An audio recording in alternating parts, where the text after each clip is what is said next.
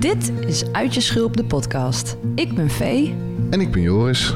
En in deze podcast stellen we de vraag: hoe kom je uit je schulp? Hoe ziet dat eruit? Wat is daarvoor nodig? Wat is een schulp eigenlijk? En waarom hebben we een schulp? We gaan met onze eigen kennis en de expertise van onze gastsprekers op zoek naar antwoorden. De thema's ontwikkeling, mentale gezondheid en connectie staan centraal in onze zoektocht. Deze podcast is zowel bedoeld voor mensen die zich pas net in zelfontwikkeling beginnen te verdiepen, als mensen die al meer bekend zijn met het onderwerp. Het is voor iedereen die zich soms een beetje vast voelt zitten, die graag wil groeien, die zich afvraagt waarom ze zijn zoals ze zijn en of dat ook anders kan en zo ja, hoe je dat doet. Pak een drankje en schuif lekker aan. Laten we beginnen.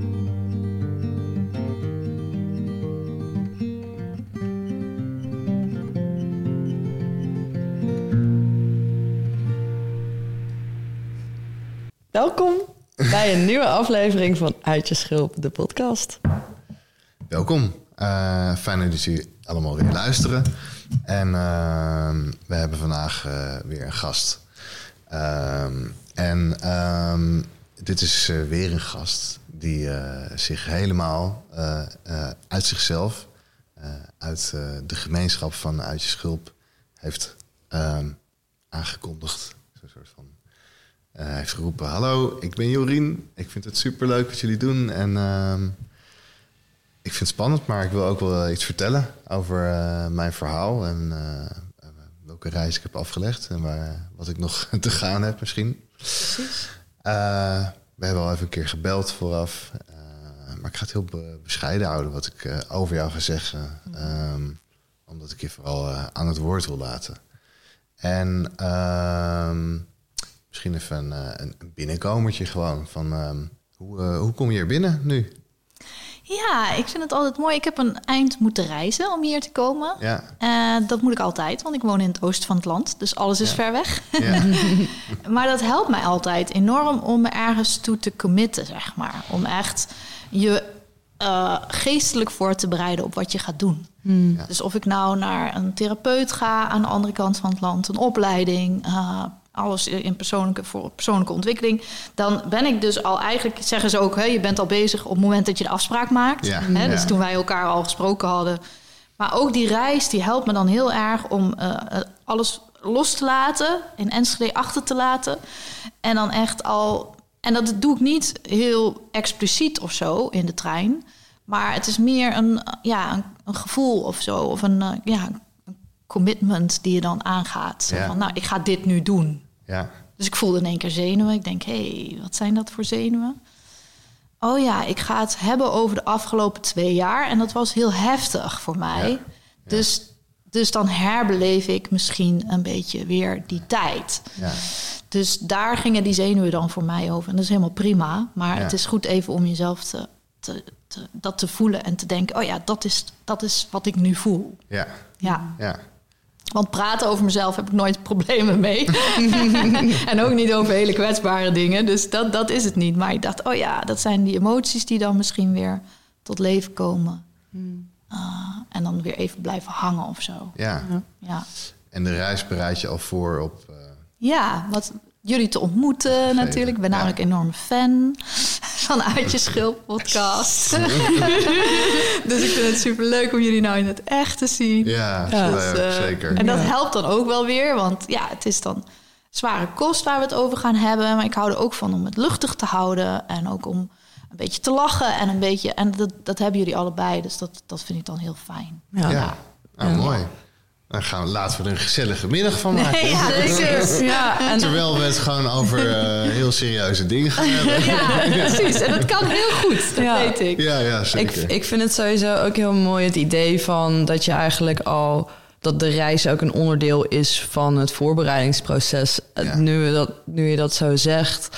Um, ik zit dan meteen al helemaal de metafoor uit te breiden. Want je bent inderdaad, als je op reis gaat, dan ga je kijken: oké, wat heb ik nodig? Hmm. Wat gaat er mee? Ik kan niet alles meenemen. Dus welke dingen laat ik achter? En welke dingen neem ik mee? En wat voelt te zwaar om, weet je, en wat is overbodig? Wat zijn de dingen die ik echt hard nodig heb? En wat zijn de dingen die het mooi gaan maken? En Ja, dat, ja, dat vind ik ook een heel mooi iets eigenlijk aan, aan het idee van dat je dat er. Ik ben zelf heel erg fan van reizen. Ik vind het heel wel in de trein, zeg maar. Autoreizen vind ik misschien wel leuk. Ik kan ook nog steeds niet rijden. Ik ben bijna 31. Ik heb nog steeds geen rijbewijs. Oh nee, ik ook niet hoor. Toen ik 31 was. Ja, nu inmiddels wel. Oh, maar ik, bedoel, ik deed er ook heel lang over. Ja. ja, maar voor mij is het reizen en dan vooral met de trein... Dat, ja, dat geeft je gewoon ook tijd om echt ermee bezig te zijn... met waar je naartoe gaat, waar je vandaan komt... wat je allemaal meeneemt, wat je nodig hebt. tijd, Mijmer, uit het raam kijken. En ook gewoon de progressie van... ik ben nu daar en nu ben ik hier bekijken. Want dat is eigenlijk ook iets wat, wat natuurlijk ook heel ehm, eh, kostbaar is in het leven. Is dat je uh, jezelf soms de kans mag geven om dus je leven in de review te, te, nemen. En wat mm. wij dus vandaag natuurlijk met jou gaan doen, is we gaan het hebben over de afgelopen twee jaar. En tijdens die twee jaar heb je natuurlijk ook meerdere keren op een punt gestaan van, nou goh, nu ben ik hier. Oké. En nu sta, sta je eigenlijk dat je een concreter punt heb van terugkijken van oké, dit was toen, dit is nu. Uh, wat ook een heel, heel mooi iets is en wat is eigenlijk ook als reis uh, in het metafoor past. Ja. Dat je gewoon inderdaad heel lokaal echt kan zien van waar ben ik nu op dit moment. Nou, we hebben dus al het thema, de reis. De reis. De reis van Jorien. Ja. Ik, moest ook, ik moest denken aan twee dingen. Uh, en het ene was ehm, dat ik een paar jaar geleden in Zweden was. En er was een dorpsfeest waar dan mensen uit het dorp gewoon met de hand dingen maakten van hout en wol en zo. En mm, uh, super grappig. En een dorpstheatervoorstelling. Oh, waar ik natuurlijk geen woord van kon verstaan. Dus maar was echt super grappig. En er was een man en dat was een hele kalme, oudere man. Die maakte dingen van hout. En die had ook gewoon uh, haakjes van hout gemaakt. En uh, en, ik vroeg zo even, ik zei, oh, mooie, mooie haakjes, gewoon mooi gemaakt. Is gewoon heel eenvoudig, maar mooi. En, want het was namelijk een soort van van de zijkant van een boom en dan waar een takje groeit en dan had hij dat stuk gebruikt om een haakje te maken, weet je wel. En zei ja, dan kan je dan thuis aan de muur hangen of zo. En uh, dan als je thuis komt, dan hang je daar je jas op of je zorgen of wat. Dus oh. hij, maakt het. Ik dacht, oh ja, dat is zo, dat is zo cool. Ja. Dat je van zoiets kleins zoiets moois kan maken. En dat gaat ook over een onderdeel van je reis natuurlijk, over hoe je ergens binnen kan komen. En, uh, ja, dat je dus overal bij hele simpele dingen een metafoor kan bedenken. Of, een, of het eh, breder kan trekken dan alleen het uh, wat we zien of wat we ja. Uh, wat we denken dat het is. Precies. Ja, mooi. Ja, je kan, je kan uh, de wereld zo rijk maken als je wilt. Ja, ja. mooi. Ja. Dat is inderdaad een, een, een, thema waar ik dus ook de laatste tijd veel meer achter begin te komen. Is dat magie zit hem in hoe je naar dingen kijkt. Ja, en wat je toelaat. Zeker. En je kan je leven zien als een soort van drag. Of weet je, maar je kan ook zelf ervoor kiezen om alles als een avontuur te zien. Of alles als een als, een, als iets magisch te zien of als een wonder te zien. En vaak met zelfs inderdaad dan de, de, de manier waarop een heel klein voorwerp dan ineens magisch kan worden of veel meer betekenis kan krijgen. Hetzelfde kan je ook toepassen in je leven. En, en daardoor wordt de reis ook makkelijker en mooier. In plaats van, nou, hè, ik moet van de ene plek A naar B. Van, oh, maar er zijn hier allemaal dingen die ik kan zien. En prachtige prachtige vistas, views die er allemaal langskomen. Mensen die hier met mij samen zijn. En ja, dan kun je ook openstaan voor zo'n gesprek met zo'n man op zo'n markt, weet je wel. Omdat je dan ook open staat. En ik vind het mooi dat die man dat jou ook aanreikte. Ja. Want uh, misschien was je er zelf niet op nee, komen, hè, nee, op dat moment. niet op dat punt. Nee, nee, nee. nee. Dus, dat is dan heel, uh, krijgt het meer betekenis door de woorden die hij er ook aan geeft. Ja, zeker. Ja, heel mooi. En ik zou ook dachten twee dingen. Mm. Het tweede was, volgens mij heb ik nog, niet, nog helemaal niet gezegd hoe jij heet aan onze laatste. Ja, Jorien. Ja. Nou, en ik noem mezelf ook altijd Jorien. Ja. Ik zeg heel vaak niet mijn achternaam. Nee, ja. dat hoeft trouwens ook helemaal niet per se. Ja, maakt mij niet uit. Maar ik, ik valt me op dat ik heel vaak alleen mijn voornaam zeg. Om, Misschien omdat ik niet zoveel Jorine zijn. Um, maar ja, dat is heel grappig. Dus jij zei ook gewoon Jorien. Ik zeg, oh ja, dat is, dat is hoe ik heet. Ja, ja klopt. Um, Zullen we, zullen we gewoon induiken? In, nee, je tweede was... Oh, oh, dat was de tweede. tweede ja. Dat je mijn naam niet had genoemd. Ah, ja, dat was het. Ja. Ik dacht, ben ik Jurie niet aan het schofferen hier. dus zij zit nog steeds te wachten tot geïntroduceerd Zijn we zo klaar? Dus wanneer ga je me nog introduceren? Of? maar Maar, je was het punt al voorbij. Dat al... Ja. zullen, we, zullen we er gewoon induiken? Ja, leuk. Twee jaar. Leuk, leuk zeg ik. Leuk. Ja, want... Ja. En, ja. Uh, ja, want? Wat, ja, wat, wat... Jij hebt ons contact met ons opgenomen. Dat heb je natuurlijk voor een reden gedaan. Mm. Een van de redenen is omdat jij uh, het gevoel had dat jij hier op je gemak je verhaal kon vertellen. Mm. En dus de eerste reden is dus het verhaal wat je graag wil vertellen. Mm. Wat is het verhaal wat jij hier wilde komen vertellen? Hoe, hoe, ja. ja. ik merkte dus in de trein op dat uh, de reden waarom ik dit graag wil doen met jullie is inderdaad uh, omdat, omdat wat ik gehoord heb, dat ik dat heel fijn vind. Dus dat het de juiste plek is om het te doen. Uh, omdat ik graag ook mensen hier in mee wil nemen. Maar voor mij denk ik ook nog belangrijk voor mezelf als een soort closure. Hmm. Zo van, nou, dit, dit is een mooie afsluiting. Ja. Iets wat het, um, het, het wat, had ik het gisteren nog over met iemand dat als, volgens mij bij mijn huisgenoot, dat als je in een proces zit, dan is het heel groot en heel aanwezig en allesomvattend. En eh, zodra je er een beetje uit begint te komen, dan wordt het natuurlijk steeds kleiner en minder belangrijk. En, um, en, en dat is ook weer jammer, want het was wel echt een superbelangrijke periode voor mij. Een mega transformatie. Ik zie echt het leven voor en na. Hmm. dus um, ik vind het ook dat dit het, uh, uh, hoe zeg je dat? Dat dit het uh, verdient. Ja, het is het waard om, het. nog, en nog de aandacht te geven. Ja. Wat een mooie, mooie manier om naar closure te kijken. Zeker. Ja. Ik heb heel veel closures gehad de afgelopen twee jaar. Maar, en elke keer dacht ik, ja, dit is echt de definitieve closure. Nu kan ik het echt achter me laten. En dan kwam er weer een stukje. Dat is volgens mij ook wat mensen over rouw zeggen. Hè? Rouw gaat in zoveel fases. En dan, ja, dat is denk ik... Uh, want de rouw, even voor, ja, twee jaar geleden ben ik uh, uit elkaar gegaan. Mhm. Na ruim 18 jaar. En uh, dat kwam voor mij toch wel van de een op de andere dag. Dat vind hmm. ik altijd een beetje vreemd. Maar je ziet iets pas als je het ziet. Hmm. En dan denk je met terugwerkende kracht... hé, hey, maar daar waren allemaal al signalen en daar waren allemaal dingen. Maar op een moment, dan zie je het gewoon niet. Je, het lijkt net, ja, ik weet niet hoe dat werkt... maar er was een dag en ik zag het en ik kon het niet meer onzien. onzien ja. Dus ik moest gewoon ook wel die beslissing maken. Maar uh, dat vond ik wel super heftig. Dus... Um, mijn verhaal gaat ook vooral over rouw. En mm. rouw, dat ik er eigenlijk achter kwam dat rouw uh, best wel een thema is in ons leven. In mijn eigen leven, maar ook überhaupt in het leven. Waar zo weinig aandacht voor is. En mm. waar we dan eerder denken aan de dood. Maar rouw is mm. eigenlijk gewoon continu verweven in ons leven. Mm in de dag. Je neemt elke dag weer afscheid van de dag. Hè? Dat is de nacht. Dus, um, zelfs in de in- en uitademing. Zit precies, het ja. Het zit gewoon de hele tijd. Maar we zijn zo gefocust en geconcentreerd op alleen de dag. En mhm. alleen het leven en het plezier en de zomer. Productief zijn, Precies, aanstaan, actie. sociaal. Ja, dit, dat. En als het dan even niet meer wil, dan uh, voel je je zo... Nou, ik ga nou de hele tijd over je praten, laten we het gewoon over mij hebben. Mhm. Dan voelde ik mij, uh, ja, uh, mislukt, er niet meer bij horen, um, anders. Uh, dus al, al, die, die dingen kwamen naar boven in die periode. Ja. Um, en toch koos ik ervoor om er mee te blijven zitten, met al dat ongemak. Ja. En er echt eens een keer diep in te duiken, in plaats van weer verder te gaan, wat we dan zo snel ja willen doen. Nou ja, koos, ons aangeleerd wordt koos ik er eigenlijk voor. Nee, ik kon echt niet anders. Ik kon niet mm. anders dan gewoon te gaan zitten. Dat zeg ik altijd als ik op een meditatiekussen ga zitten. zeg ik ja. ervoor gaan zitten. Ja. En het aan te kijken. Het lukte me ook echt niet om het uh, te negeren en maar door te gaan. Ja.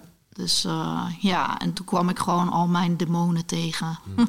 Ja. en al mijn grootste angsten. En uh, mm. ja. ja. wat voor karakters waren dat? Of zijn dat? Ja, eerst de scheiding, want er kwam nog heel veel ellende na. Eerst de scheiding. Uh, die demonen waren, denk ik, uh, toch hoe ik ben opgevoed in deze maatschappij. Mhm. Met deze ouders. Uh, die nog steeds bij elkaar zijn. Mm ja, dat je een huwelijk, ik was niet getrouwd, moet laten slagen. Dus dat je een relatie moet laten slagen. Mhm. En dat je er alles aan moet doen om, om het om, om ervoor te gaan. En, en, en, en waarom ik bij hem wegging, was op een of andere manier in mijn hoofd niet goed genoeg reden. Hmm. Dus ik had daar ook allerlei oordelen over. Ja. Dus ik vond dat ik, ja, dat ik misschien maar had moeten settelen. Of had moeten... Want je voelde het wel van de een op de andere dag. En je zag het ook. En je kon het niet meer onzien. Mhm. Ehm, maar er was ook een deel van jou dat dat niet voldoende vond. Ja, dus ik ging weg. Dat deed ik ook. Ik ging echt uh, na twee weken al het huis uit. Uh, maar toen kwamen dus die demonen, die, uh, die stemmen in mijn hoofd van de omgeving. Ik heb volgens mij ook vrij laat mijn ouders pas verteld. Mm -hmm. Toen ik dus al uit huis was, dat ja. we uit elkaar waren, omdat ik zo bang was voor hun reactie. Ja. Um, en de reactie van de wereld ook. Van, mm -hmm. ja. En dat waren eigenlijk niet hun oordelen, maar die ik mezelf, zeg maar, uh, heb opgelegd. Of de, die ik mezelf dan. Uh, de, ja, de stem in mijn hoofd. Ja. Dus je moet er eerst zelf vrede mee krijgen. Wil je het met de wereld kunnen delen of zo? Ja, ik weet het niet. Dus ja, ik was teleurgesteld dat die relatie niet gelukt was. Mm -hmm. En, um, en uh, maar ik weet niet of ik dat echt vond. Of dat dat de stemmen waren dus uit uit de opvoeding, uit de maatschappij. Mhm. Mm -hmm. Want ik zelf, nu, met terugwerkende kracht... en vind het eigenlijk prachtig dat je mensen tegenkomt in je leven... en dat je weer afscheid neemt. Ja. En, ja. en dat het komt en gaat. En ik heb heel veel afscheid genomen in die afgelopen twee jaar... ook van heel veel vriendschappen, kennissen, familie. Ja. Dus dat het... En ik, ik, ik ben dat steeds meer gaan zien... dat het gewoon een, een stroom is die gaat en komt... en, en dat je liefdevol afscheid kunt nemen. Maar ja. op dat moment. Maar je hebt dus ook afscheid genomen uh, van een deel van jezelf. Hmm. Dat, uh, dat daar moeite mee had. Ja, ja dat zeg je mooi. Ja. ja. Dan van de meningen en de oordelen en de ideeën van, ja. uh, van hoe ik ben opgevoed en onze maatschappij kijkt naar, die, hè, naar het huwelijk, zeg maar. Dat, dat almachtige huwelijk. Want de reden waarom ik bij hem weg ben gegaan, dat is ook een super typisch verhaal, vind ik dat. maar ik vond dat ik hem te veel in de weg zat voor zijn persoonlijke groei. Ja. Dus ik ben ook nog voor hem uit onze relatie gestapt. Terwijl op een gegeven moment mijn vriendin tegen me zei: Ja, en hoe zou je het vinden als je er eens naar zou kijken dat je het voor jezelf gedaan hebt om jouw ja. eigen weg te gaan bewandelen? Want ik zei ja. dus: Ik wil dat hij zijn eigen weg gaat lopen. En ik, ik, was, ik zat te veel op zijn huid. Ik had allerlei ideeën over uh, um, dat hij meer moest reflecteren, dat hij moest mediteren, dat hij, moest, uh, dat hij van alles aan zichzelf kon doen. Want Ja. ik Ja. zat al jaren in die persoonlijke groei. En ik was daar heel fanatiek mee. En ik, ik zag ook dat het me heel veel bracht. Dus dan wilde ik dat hem ook, weet je Ja. wel. Fanatiek Ja, ja, mediteren! heel fanatiek. Heel fanatiek. Ja. Ja. Dus ik gunde hem dat ook. En ik dacht, oh ja, ik zit te veel op zijn pad. Dus laat ik van zijn pad afgaan, zodat hij zijn eigen leven kan leiden. Terwijl ik er later pas dacht, nee, ik ga op mijn eigen pad lopen, zodat ik mijn leven kan leiden. Ja. Wat hij doet, dat moet hij weten. En uiteindelijk is het ook zo dat eh, jij eigenlijk behoefte had aan iemand die dus inderdaad die reflectie en al Ja. die dingen ook deed. Precies. En dat was hij op dat moment niet. En dus eigenlijk wat je hebt gedaan is je hebt een soort van keuze laten zien van oké, dus of je kan met me meegaan of ik, ik ga alleen verder. En dat is zich dan zeg maar de meest accept- acceptabele versie zeg maar voor de persoon die jij toen was was dus ik doe het voor hem en dat eigenlijk was het een hele mooie beslissing voor jezelf van jezelf Was Ja, er, was er, ja. voelde je Als je- inderdaad Heel die liefdevol. ruimte? Ja. Voelde je uit die ruimte? Je dacht van, stel dat hij nou eh, een jaar op een, op een kussen gaat zitten, dan... eh, Nee, nee, we waren op een punt beland. ja. We waren op een punt beland dat ik zag... Ik, eh, hoe harder ik push, hoe meer hij terugdeinst. Dus Ja. ik zag heel duidelijk eh, de relatie, hoe die geworden was. Ik was zijn moeder en zij was mijn, hij was mijn puberzoon. ah ja. Dus die relatie was er ontstaan. En dat had ik een drie jaar geleden eerder eh, ontdekt in therapie ergens. Dat iemand dat tegen me zei. En dat heb ik geprobeerd te veranderen. Mhm. Maar dat lukte gewoon niet. Dus elke keer als ik dan gewoon in mijn volwassen rol ging zitten... en hij ging weer pushen als, eh, als de puber... dan ging ik toch weer in die eh, afwijzende moederrol zeg maar, zitten. En, en die patronen, die kon ik niet doorbreken. En ik had een heel mooi gesprek met een eh, vriend van ons... En, en die zei op een dag ook van... ja, weet je, maar wat als dat reflecterende vermogen... wat jij zo graag ziet in jouw liefdespartner... er gewoon helemaal niet in zit? ja Überhaupt niet ja je zit te wachten op iets wat misschien helemaal niet uh, helemaal niet is. Hè? Wat, helemaal niet, wat je helemaal niet kunt vragen of verlangen. Square peg, round hole. Ja, ja, ja. En dat vond ik wel, uh, dat was echt het kwartje. Ik dacht, oh ja, ik zit hier. Want je hoort altijd verhalen dat vrouwen mannen willen veranderen. en ik, dat vond ik altijd heel stom. Dat maar, it works both ways. Ja, ja, ja tuurlijk. Partners, partners willen elkaar veranderen. Ja, en dat kun je alleen maar doen door het juiste voorbeeld te geven. vaak dat, ze, dat er meer sensitiviteit of kwetsbaarheid mm. of dat ze in die, die richting ontwikkelen. Nou, er is wat ontwikkeling in de hele maatschappij gaan, waardoor uh, misschien ook meer soms de andere kant op. Maar uh, en, en mannen willen van hun vrouwen dat ze uh, helder zijn en uh, niet te ja, emotioneel. Ja, assertiever. Ja, assertiever. Ja, ja, heel mooi. ja, ja. het aan. Ja, dingen aanpakken. Ja, het zijn generalisaties, maar... Uh, Wel herkenbaar. Ja. Ja, ja. Ze zijn er ook omdat ze er zijn. Ja, precies. Net zoals clichés, Ja, hè? precies. Ze bestaan omdat ze bestaan. En dat is mooi als je dan uit elkaar gaat na zo'n lange periode. Dan zie je in één keer die patronen ook veel duidelijker. En dan zie je in één keer... oh ja, maar nou mag ik dit zelf ook gaan ontwikkelen. Mm bijvoorbeeld die assertiviteit en die helderheid en die daadkracht... die, die dat ik toch misschien wat af en toe op hem leunde. En hij natuurlijk weer op mij, emotioneel weer op mij leunde.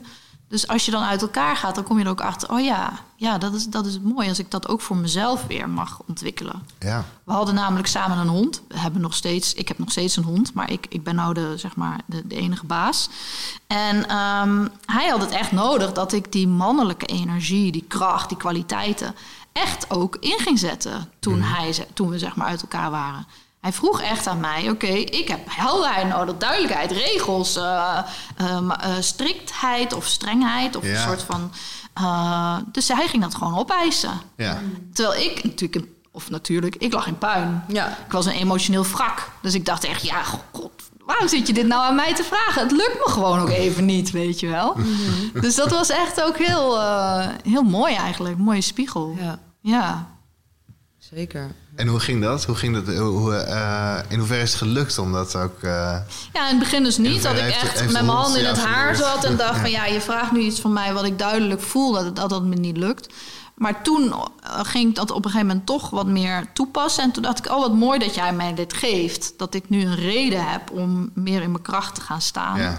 Ja. en ja, ik heb het eigenlijk ook nodig om te voelen dat ik niet een ander nodig heb voor die kwaliteiten. Ja. Want dat is ook typisch. Dat we dan op een gegeven moment zo. mooi, hè? Dat je dus van een huisdier. Ja, uh, dat is heel mooi. Dat is echt fantastisch. Ja. Ja. ja. Uh, heel onverwacht. Ja. ja. Onverwachte hoek zo, ja. ja. Leuk. Ja. Um, Oké. Okay. Dus Jorien uh, zag van de een op de andere dag. Hier, het licht. Hier, hier, moet ik, hier moet ik niet blijven. Ja. En toen was er nog de verschuiving van, oh ja, het, zat misschien, lag er misschien niet aan dat ik het voor hem deed, maar eigenlijk deed ik het ook voor mezelf. Ja, dat kwam pas echt maanden later. Dus dat is ook wel, dat heeft echt een tijd nodig gehad. Ja. En wat ik ook bijzonder vind als je uit elkaar gaat, er ontstaan toch verschillende verhalen bij ja. de partijen. Dus dat vind ik dan, je bent heel duidelijk en je bent heel maar bij hem is het toch een ander verhaal geworden. Dat heb ik losgelaten. Ik, ik hoef dat niet te controleren. Het maakt ook helemaal niet meer uit. Ja. Maar in het begin vond ik dat dus heel lastig. Ja. Van uh, ja, maar hoor je me wel? Weet je mhm. wel waarom ik deze stap zet? En we hebben nooit ruzie gehad. Dus mhm. dat is heel fijn. We zijn, al, we zijn altijd uit liefde, zeg maar, uit elkaar gegaan. Ja. Dat we elkaar gewoon het beste gunnen. Mhm. En hij zag het ook wel in. Zeg maar, het duurde dus even. Maar het is wel gelukt om in het uit elkaar gaan niet de rol van de afwijzende moeder en de. Nee, en hoe meer afstand ik nam, ja. hoe meer er ontstond. Hè? Hij zit inmiddels op meditatiecursus 2. dus dat is echt zo mooi. Hoe meer ik afstand nam, hoe meer er ontstond. En uh, laatst zei ook een vriendin tegen mij: Oh, en, en zou je dan nu weer. Maar dat, dat, dat, heb ik dan niet. Ik heb niet zo van: uh, Dit is voor mij gewoon goed. Het was een hele mooie tijd samen. En. Uh, heeft inmiddels ook al een half jaar een nieuwe relatie. En ik vind het helemaal prima. Ja. En ik, ik vind het meer dat ik als ik er naar kijk... Want sommige mensen denken dan ook... Oh, baal je daar dan niet van? Ik denk, nee, ik gun het hem echt nog steeds. Ik gun hem die persoonlijke groei nog steeds. Ik gun hem dat wat ik heb mogen ervaren... gun ik hem nog steeds. Dus uh, ja, fijn. Fijn. Ja. Ja. ja. ja. sowieso dat, dat gevoel van... Uh, de verschillende verhalen die er dan ontstaan. Mm. En dat niet begrepen worden. daar kan ik zeker ook wel mee op inleven. Want dat, dat, dat is gewoon heel pijnlijk. En dat is sowieso ook iets, iets wat, um, wat ik zelf ook heb ervaren toen mijn, toen mijn relatie uitging. Was dat het heel lang duurde voordat hij mijn versie van het verhaal begreep. En want natuurlijk zijn inderdaad meerdere kanten van een verhaal. En uh, ja, dat, dat kan een heel, heel zwaar iets zijn soms. En dat los kunnen laten. Dat inderdaad van oké, dat uh, het oké zijn met niet 100% begrepen worden, omdat jij jezelf begrijpt, dat is een ontzettend berustende plek om te, aan te komen als je dat eenmaal bereikt hebt, waarvan jouw waarheid niet meer afhangt van of andere mensen het begrijpen. Precies. Mooi, ja, mooi. mooi gezegd, ja. Daar, daar komt de berusting, hè? Ja. Als je echt kunt zo van, nou, weet je, ik ben niet verantwoordelijk hmm. voor wat die ander van mij heeft begrepen. Ja, ja. Dat. heel mooi. Ja. ja. Maar in het begin is dat heel lastig. Want dan wil je gewoon heel graag. Ja. Dus dat heeft denk ik ook met rouw te maken. Ja, dat zit ja. ik ook te bedenken. Want je bent nog, je bent nog verbonden op een manier waarop je verbonden bent als je met elkaar een relatie, intieme, intieme relatie hebt, een intieme liefdesrelatie. Dan tijdens die relatie heb je dat niet zo heel vaak dat je het echt fundamenteel oneens bent met elkaar, toch? Of dan ga je dat in ieder geval altijd nou uitpraten en ervoor zorgen ja, dat je, dat je elkaar begrijpt. Dat je elkaar begrijpt. Dus dat er altijd een gevoel van begrip en respect en waardering weer is. En, en dat je gewoon weer samen naar bed kan, zeg maar. Gewoon ja. gerust. Ja, uh, nooit, boos naar, nooit boos naar bed toe gaan. Dat is ja. De, de regel toch voor mm. goede relaties. Ja, en, uh, en als je dan niet meer bij elkaar bent, ja, dan... Maar je voelt nog wel die verbondenheid.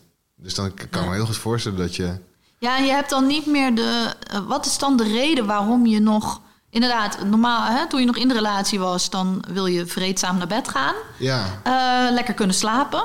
Maar je hebt dan niet echt meer een reden om, om, er goed, om elkaar echt goed te begrijpen. Terwijl het is essentieel je, ja, uh, in die scheidingsfase. Ja. Ik denk dat je wat, je wat je dan merkt, wat, als ik terugdenk aan mijn eigen post-relatiefases dat wat, wat ik denk ik heb gevoeld, is het einde van het tijdperk waarop je invloed hebt op elkaar. Mm, ja. En dat dat een deel van de pijn is. Ja. Omdat, je, omdat die invloed is eigenlijk ook iets. Zit ook iets lelijks in, in relaties. Mm-hmm. Hè? Ja. Dus ik denk dat je. Dus er zit een afhankelijkheid in. Uh, maar dat maakt ook dat het veilig voelt of zo. Ja. Dus dat je, dat je... Controle lijkt veilig te voelen, hè? precies, ja. ja. En, en, um, en dus dat idee van, ah, die persoon die staat achter me. Ja. En dus, oh ja, en, we zijn één team. Ja, En, en dan is het ineens een verhaal waarvan je juist merkt dat meestal als mensen uit elkaar gaan... schrijf je de verhalen zo voor jezelf dat je er zelf redelijk goed uitkomt. Hè? Dat is, wel een redelijke tendens, denk ik, in break-up mhm. stories. Ja.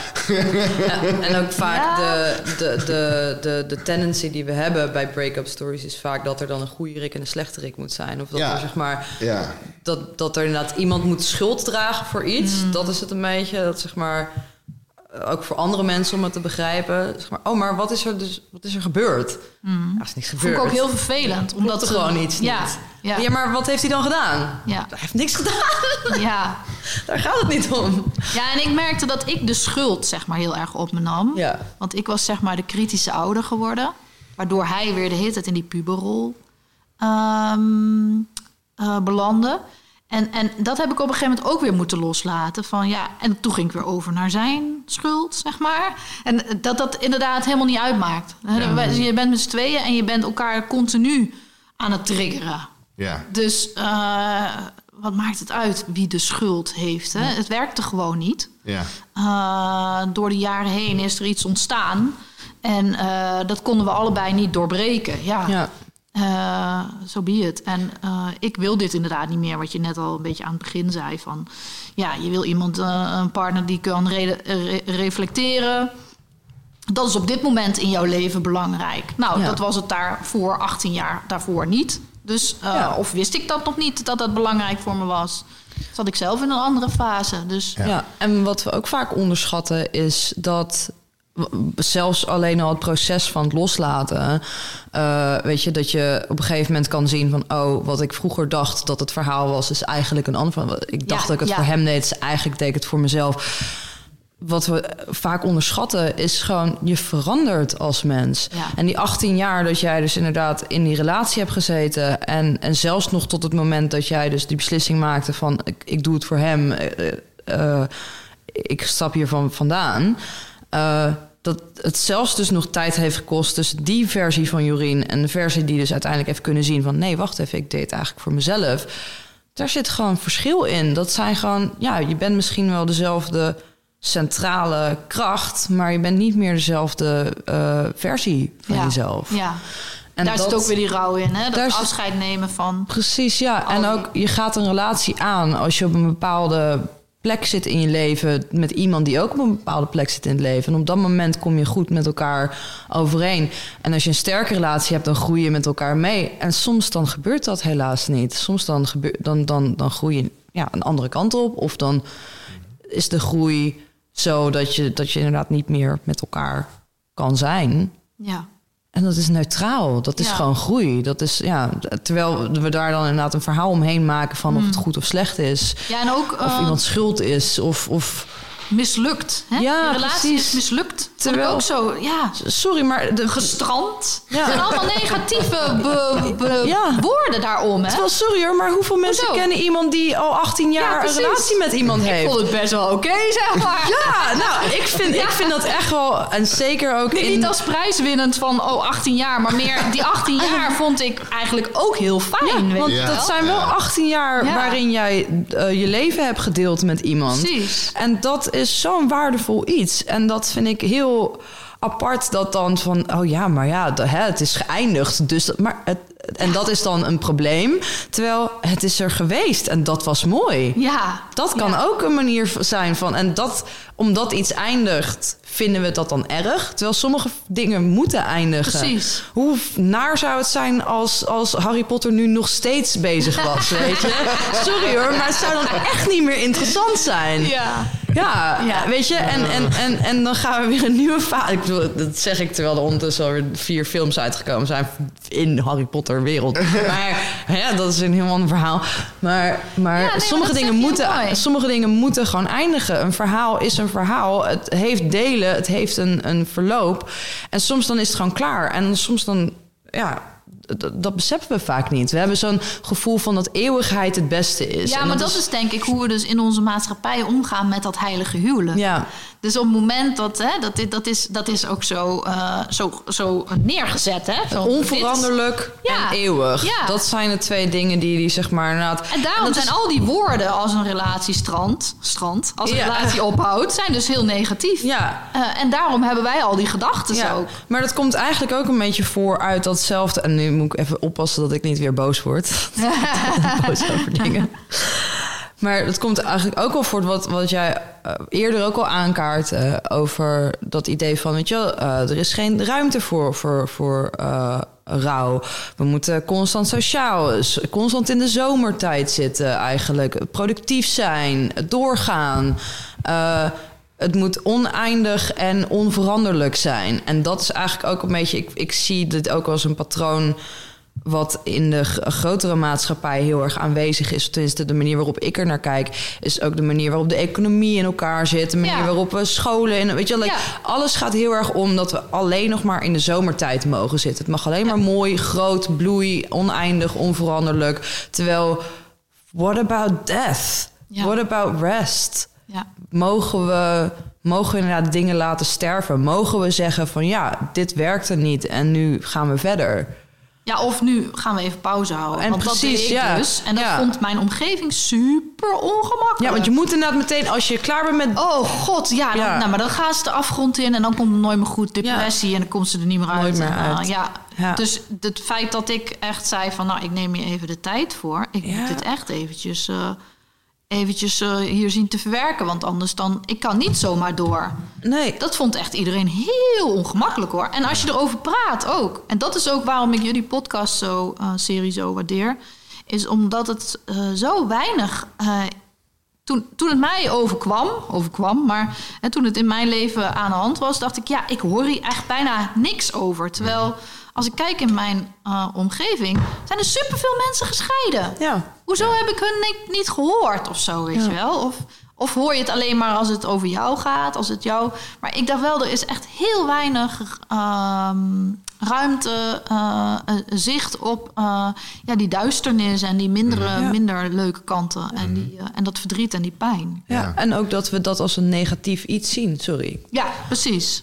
Ja. Die nou, emoties nou, worden van. Ik vond het een mooi bruggetje om daar nog een klein beetje in te gaan vroeten. Hmm. in die duisternis en die pijn. Want je hebt al een klein beetje genoemd over op je kussentje gaan zitten en met je demonen. En, uh, Daar willen we meer over weten. Ja, dus ik noemde al even. Hè, dus een van de demonen was de, een, een overtuiging over het huwelijk. Over een huwelijk is er om te slagen, zeg maar. Uh, en, uh, maar welke demonen ben je nog tegengekomen? En ik ben ook vooral benieuwd naar uh, en dan, weet je wel? Dus je, je gaat ermee zitten en, je, en je, je gaat ze horen en je gaat ze voelen en je gaat ze uh, misschien onderscheiden van de realiteit die je voor jezelf wil creëren over de wereld. Maar hoe, hoe is dat hele proces verder gegaan voor hem? Ja, er was ook een uh, bijzondere gedachte is dat ik mij heel vaak identificeer met iets. Ja. Mm. Wat ik al eerder gehad toen ik mijn baan verloor, acht jaar daarvoor dat was ook een heel heftig rouwproces. Toen had ik me ook super geïdentificeerd met die baan. Die baan, dat was ik. Dat mhm. was ik. Mhm. En deze relatie kwam ik ook achter. Oh, ik heb me zo erg geïdentificeerd met die relatie. Ik was, zeg maar, Jorien van. Ja. Dus ik was en, echt. En welke, uh, welke rol vind jij dan een prettige? Wat er, hoe laat je je verleiden tot die identificatie? Want dat, dat was waarschijnlijk niet bij iedere type baan gebeurd en, of bij iedere type relatie.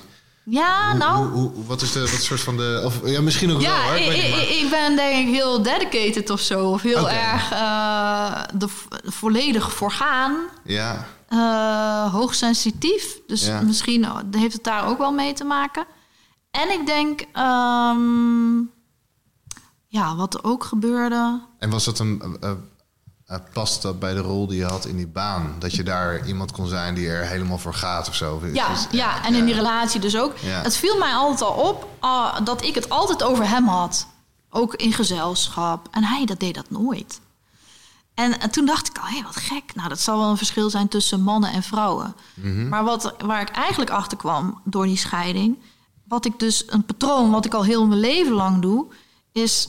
Um, het, alles buiten mezelf mm. plaatsen. Dus de baan, uh, de relatie, de vriendschap. Want dan hoeft het niet over mij te gaan. Mm. Dus dan hoef ik niet uh, te voelen wat ik moet voelen. Of dan hoef ik niet uh, mij te laten zien. Mm ja. Dus ik ben altijd in dienst van. Ja, ik, ja inderdaad. Het, um, iets wat ik dus ook al opmerkte is, is jezelf eigenlijk opzij zetten. Ja. Uh, wat natuurlijk iets is wat meer mensen doen als een soort van uh, survival mechanisme. Uh, en dat is eigenlijk een heel interessant iets. Want inderdaad, wat wij dan denken, dat dan ik word dan de identiteit die buiten mij ligt, die ik kan adopteren. Ja. Dus ik word dan de baan. En als ik dan op de baan ben, ga ik 100% voor de baan. Ik ben dan niet meer belangrijk. Ik ben de baan. Totdat ik thuis kom. En als ik thuis ben, dan ben ik het huwelijk. Dan ben ik samen met deze persoon. En dan hangt daar je identiteit weer vanaf. Want dan uiteindelijk is het zo dat je bang bent voor wie, wie die ik dan ja, ben. er zit een soort, er zit een angst in, in, in, in ben ik dan tenminste, dit is iets wat ik dan projecteer, omdat dat ik mhm. dat zelf dan van mij uh, heb herkend. Is bijvoorbeeld dat jij niet voldoende bent of niet goed genoeg bent.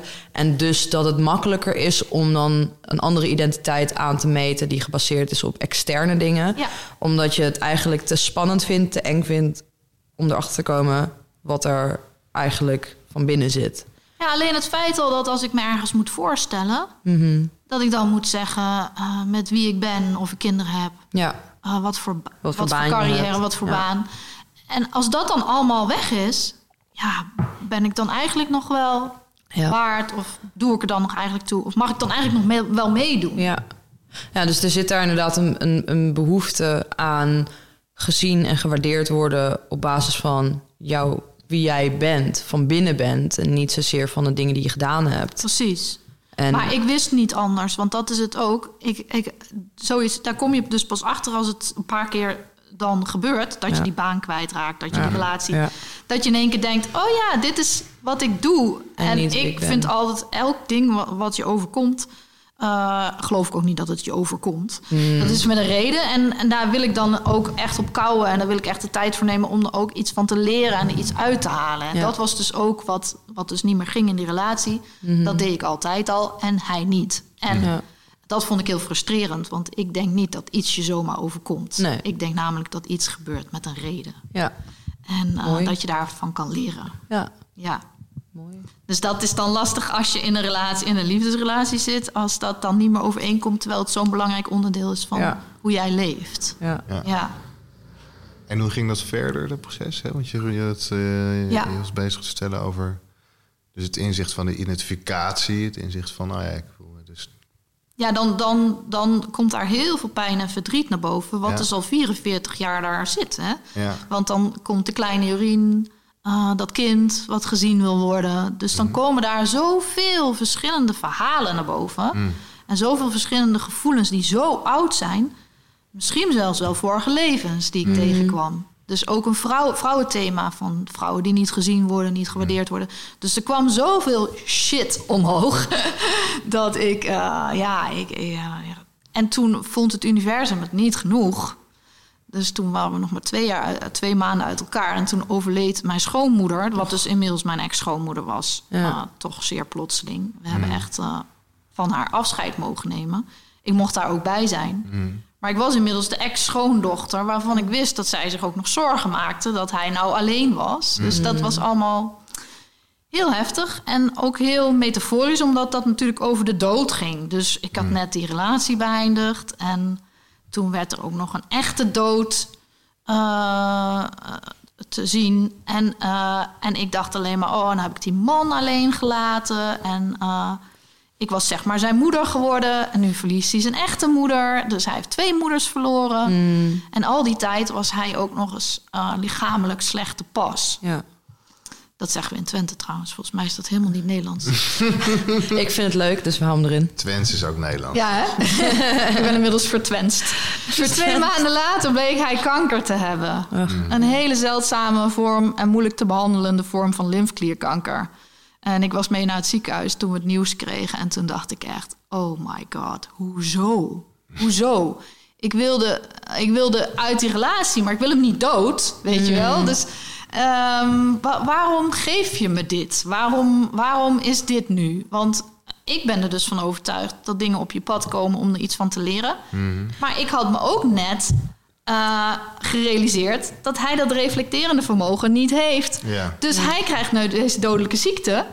Als hij dit niet aan kan, gaat hij dood. Ja. Dus ik kreeg in één keer het idee uh, die 18 jaar, waarin ik dus dacht dat ik hem dingen duidelijk moest maken, moest ik nu even heel snel nog beter doen. Dus het was allemaal in mijn handen. Ja, dat het is hele, heel zijn leven lag in mijn handen. Ja, dat... Ik was hier degene die voor God speelde. Ja. Zo'n gevoel. Oh, ja. Ik weet hoe belangrijk kun je jezelf maken, maar ik had echt het gevoel nu, dit is de tijd dat ik echt dingen duidelijk moet maken. Ja. En ook het interessante ook dat dan. Uh, inderdaad het universum jou dan, of laten we het zo noemen, jou ja, dan het, altijd het bericht geeft van je moet loslaten. Ja. Je kan niet voor hem, je kan niet voor hem uh, uh, de dingen dragen. En, en weet je, like, je moet je op jezelf. Uh, jij bent verantwoordelijk voor je eigen dingen. Je bent niet verantwoordelijk voor zijn dingen. En dan gebeurt er zoiets eigenlijk waarin jij dus nog duidelijker bericht krijgt van dit is zijn ding. Waar hij zich, weet je wel, like, dit kan jij niet voor hem dragen. Je kan niet zijn kanker voor hem overnemen. Je kan niet zijn, zijn levensweg voor hem overnemen. En het dus ook beter maken voor hem. En dat dan ons instinct is van en nu moet ik het nog sneller doen op nog ja. kortere tijd. En ja, het was, echt heel, bijzonder. En ook prachtig. Ja. Ik dacht ook wel na een paar maanden al, oh, wat prachtig dit. Ja, hoe, hoe, hoe, ja, hoe, dat ging. Ja. ja. Wat kan me voorstellen dat je ook in een uh, dat het heel verwarrend is. Je net met elkaar, je had net een soort van besluit van... Ah, ik moet... Loslaten. ik ga je weg van loslaten. Ja. En dan ineens voel je je een soort van geroepen om hem te redden. Om zijn leven te redden, nou benen. Ja. ja. Daar kan ook niet heel gezond gedrag uit voortkomen. En ook een soort schuldgevoel zelfs. Ja. Ik hoorde je ook al iets zeggen van... Uh, ik, wel, ik wilde van bij hem weg, ik wil niet dat hij dood ja, Precies. Ja, ja. ja, want het eerste wat hij zei toen we in het ziekenhuis zaten... en hij kreeg het bericht te horen, zei hij... en nou ben ik ook nog helemaal alleen. Ja. Och. ja. Dus toen zei ik, nee, dat ben je niet. En toen ging ik dus voor hem zorgen. Ja. Uh, een half jaar, jaar lang. Ging ik ook weer bij hem wonen met de hond. Op de momenten dat hij dan uh, uh, de chemo's had. En dat vond ik helemaal geen probleem. Ja. Alleen de valkuil zat hem dus in met welke intentie doe je dit. Ja. Mm. Dus ben je dit aan het doen om hem bij te staan, omdat je 18 jaar samen de liefde hebt gedeeld. En ga je dit liefdevol hè, gewoon er voor hem zijn. Maar ik had dus in de eerste periode echt de opdracht. Ja om hem te redden. Ja. Dus, uh, dat was inderdaad ja. jouw, jouw motivatie eigenlijk. Van als ik nu bij hem wegga, dan... Ja, of als ik dit nu niet doe... dan ben ik de persoon die hem in de steek heeft gelaten. Ja. Misschien zelfs. Ja, en die hem niet duidelijk kon maken... welke boodschappen hij moet halen uit dit ziek zijn. Ja. Want dat is dan, dat is dan het uh, ding. Uh, en hij heeft het totaal anders gedaan dan ik zou doen. Mm. Uh, maar hij liet mij ook wel in die hele periode ook wel een beetje mijn eigen dingen doen. De edelstenen bestellen. Mm. de planten opzoeken die dan uh, goed zouden zijn. weet je wel, dus tot op een bepaalde hoogte kon hij mij de ruimte geven om, om zeg maar, mij een goed gevoel te geven. Ja. Maar dat werkt natuurlijk niet. Het werkt alleen maar als jij dat zelf ook zeg maar helemaal voor gaat en in gelooft. Um, dus dat was ook, hij, hij at bijvoorbeeld, eh, eet heel veel suiker. Nou, Als er iets is wat kanker heel fijn vindt, dan is, het suiker. En ik moest het allemaal loslaten. Mm. En, uh, en, en dat was denk ik wel, ja, wat ik zeg, het was die 18 jaar, maar dan heel beknopt ja. in, in, in een half jaar tijd. En dus met het. En, en nog een keer met hetzelfde resultaat. Ja, precies. Ja. En ik weet dat hij niet is overleden. Ja, precies. Hij is, hij is genezen. hij is genezen. Ja, hij is genezen. En, en dus hij. Uh, en dat, maar inderdaad, in die periode dacht ik echt: oh, wat, wat het dus echt voor mij heel heftig was, is nu moet ik echt loslaten in vertrouwen. Ja. Wat de mm. uitkomst ook gaat zijn. Of hij nu blijft leven of doodgaat. Dit is niet aan mij. Dit is mm. zijn pad. En dit mag ik hem geven. En dat vond ik het allerzwaarst. Hmm. Van, dat is eigenlijk waar we het net over hadden. Het ultieme... Uh, Oké, het leven draait nu echt om mij. Hmm. Hmm. En ik identificeer me niet meer met de ander. En dat was zo zwaar, omdat? Uh, dat zo'n heftige overtuiging natuurlijk, of overtuiging. Dat is de manier waarop ik dus 44 jaar geleefd heb. Dus het was heel confronterend nou, in eerste instantie was het confronterend omdat ik dus het gevoel had dat zijn leven in mijn handen lag. Maar daarna werd het confronterend omdat ik er dus achter kwam: oh ja, maar uh, ik, heb, ik heb de ander nodig. Dus uh, ik moet voor een ander zorgen om ertoe te doen. Mm. Dat, dat mm. eigenlijk. Ja. Dat is een hele diepe. Ja. Dat is echt een hele, hele diepe. Ja. Ik moet voor een ander zorgen om er, om er toe te doen. Dus hij was beter, ja. Toen kwam voor mij eigenlijk pas de klap. Terwijl hij weer opbouwde, werk, relatie, alles weer opbouwde. kwam voor mij eigenlijk toen pas de heftigste periode. Mhm. Ten eerste het verwerken van die relatie, waar dus eigenlijk een stop in kwam, omdat die, al die dingen voorbij kwamen. En toen dan het, werken, het verwerken van het trauma van het hele uh, kankerverhaal. van mhm. nou ja, alles wat je daar hebt meegemaakt en gezien hebt. Ja. En dan um, trauma eigenlijk van eigenlijk het diepste kindtrauma. Ik moet voor een ander zorgen om ertoe te doen. Mhm. Ja. ja. Ja. Hoe zit je daar nu? Hoe, hoe ben je nu? Hoe sta je nu in die overtuiging? Ja, ik vond uh, dat ik maar alles moest loslaten. Hm. Dus ik uh, werk niet meer, ik heb geen huis, ik heb geen relatie, ik heb even helemaal niks. Hm. Uh, om te zijn met het niks. En om te zijn met, om te voelen, wat is er dan wat overblijft? Wat is dan, ehm, En, en uh, daar mee te zijn en dan te mogen ervaren en dat is genoeg. Mhm. En dat lukt de ene dag beter dan de andere. Mhm. Want ja, wat ik merk is mensen in, in mijn omgeving uh, blijven toch de hele tijd uh, vragen van wat ga je nu? doen? En ja, nu? ja. en wanneer kom uh, je moet er wel weer een keer uit. En uh, terwijl als ik denk, kijk eens naar mij, kijk eens hoe, hoe het gaat met mij, hmm. kijk eens naar mijn gezicht, kijk eens naar mijn uitstraling, kijk eens naar hoe ik, hoe ik erbij zit. wat is hier zorgwekkend aan? Ja. Weet je wel? Ik ben mijn leven aan het leiden en mhm. het gaat helemaal goed. Ja. Mhm. Dus het is meer dat de buitenwereld de hele tijd van die zit te porren, zeg maar, waar ik dan onzeker van word. Van, oh ja, ja, andere mensen doen het heel anders, dus mhm. is dit wel oké? Eh, dan dat ik zelf voel ik echt heel erg duidelijk, dit, dit is precies wat ik moet doen. Mhm. Maar dat is dus intuïtief. Dus eigenlijk het hele, alles, als ik kijk naar, zeg maar, alles wat ik heb meegemaakt, als ik intuïtief kon kiezen en intuïtief kon, uh, besluiten kon maken, dan, de, dan waren het altijd de goede besluiten als ik het heel erg vanuit paniek deed en vanuit mijn hoofd, dan, dan uh, waren dingen die niet bij mij pasten en die eigenlijk vooral waren omdat, ja, omdat we het zo geleerd hebben. Of ja, omdat, we het, omdat het gewoon zo is. Ja, ja. ja. Ergste excuus wat, uh, wat ja, er bestaat. Zeker, ja. Zo, zo doen we dat altijd. Zo, doen we het zo altijd. is het gewoon. Ja, zo is het nou eenmaal. Ja, die ken ik. Ja, die heb ik ook altijd gehoord. Ja, wow. En dat is dus het hele proces eigenlijk. Dat ik die afgelopen twee jaar van heel veel dingen afscheid heb genomen. Van hoe het zo is of hoe het zo hoort. Dat ik erachter kwam, oh, maar heel veel past gewoon helemaal niet bij mij. Hoe mensen een leven leiden. Ik ben dus nooit getrouwd geweest omdat ik wist, ja, dat past echt niet bij mij. Ik heb nooit een huis gekocht omdat ik wist, dat past niet bij mij. Die baan was eigenlijk ook een foutje, want dat past ook eigenlijk helemaal niet bij mij. Mm. Maar ik, toch ben ik blijven proberen om te passen, zeg maar. Om me te schikken, om... Uh, ik denk die relatie was ook, uh, buiten dat het ook heel fijn was, was het denk ik ook wel schikken, schikken, schikken, schikken. Hmm. Omdat ik denk dat het zo hoort uh, dat je met een man samen bent en samen woont. En, uh, dus nu heb ik het dat ook allemaal losgelaten. Mm Dus ja, ik, ik, ik wil even niet meer het bedenken. Of luisteren naar, naar adviezen of uh, laat mij maar even, weet je wel. Ja. ja. ja. Het is ook zo'n constante uh, zoektocht steeds van... Um, je, dat je rondloopt met het sleuteltje van... oké, okay, zoeken naar een deur waar die op past. Hmm. Terwijl, wat nou als jij de deur bent waar die op past? Hmm. mag je gewoon, weet je, ja, het hoeft misschien in plaats van dat je de hele wereld af moet reizen om erachter te komen waar jij thuis hoort, dat je eigenlijk zelf al de hele tijd thuis was. Ja, maar wat ik daar dan wel merk dat ik daar lastig aan vind.